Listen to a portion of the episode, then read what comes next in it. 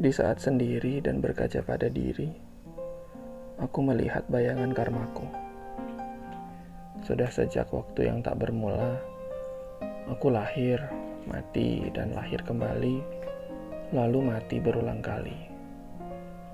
Di setiap perjalanan hidup itu, telah berulang kali juga aku bertemu teman, sahabat, keluarga, pasangan, dan orang-orang yang tak ku kenal membantu banyak dalam proses hidupku. Di setiap perjalanan hidup itu pula, aku telah berulang kali menjadi penawar dan memberikan mereka obat untuk menyembuhkan luka mereka. Di setiap perjalanan hidup mereka, aku juga hadir dan menjadi pelipur lara dan membawa secerca harapan untuk menerangi kegelapan hati mereka. Di setiap perjalanan hidup itu pula, aku sering dihantam bata dan dibalas air tuba. Segala niat, ucapan, dan perbuatan baikku pada mereka dibalas dengan goresan luka dan pahitnya getah dusta. Aku beri kau susu. Kenapa kau balas dengan air tuba? Aku beri kau bahagia. Kenapa kau balas dengan goresan luka? Aku beri kau percaya Kenapa kau balas dengan pahitnya pengkhianatan dan dusta? Kenapa? Kenapa? Kenapa?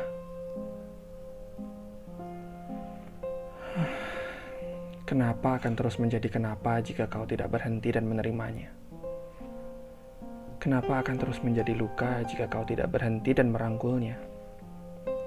Kenapa akan terus menghantuimu sampai kau lupa bahwa ada, ya, aku menerimanya? Semua akan redam dan menjadi hangat ketika kita bisa menerimanya. Sakit memang jika susu dibalas dengan air tuba. Perih memang jika percaya dibalas dengan dusta. Tapi dari merekalah kita tahu bahwa luka dan pengkhianatan adalah guru terbaik yang mengajarkan kita untuk bertahan dan bangkit dari keterpurukan. Dari luka dan pengkhianatan, kita belajar menerima dan berdamai dengan kenyataan hidup bahwa orang yang telah bertarung dengan cedera di dalam dirinya adalah ia yang bisa bertahan hidup dan menjadi cahaya penerang dunia.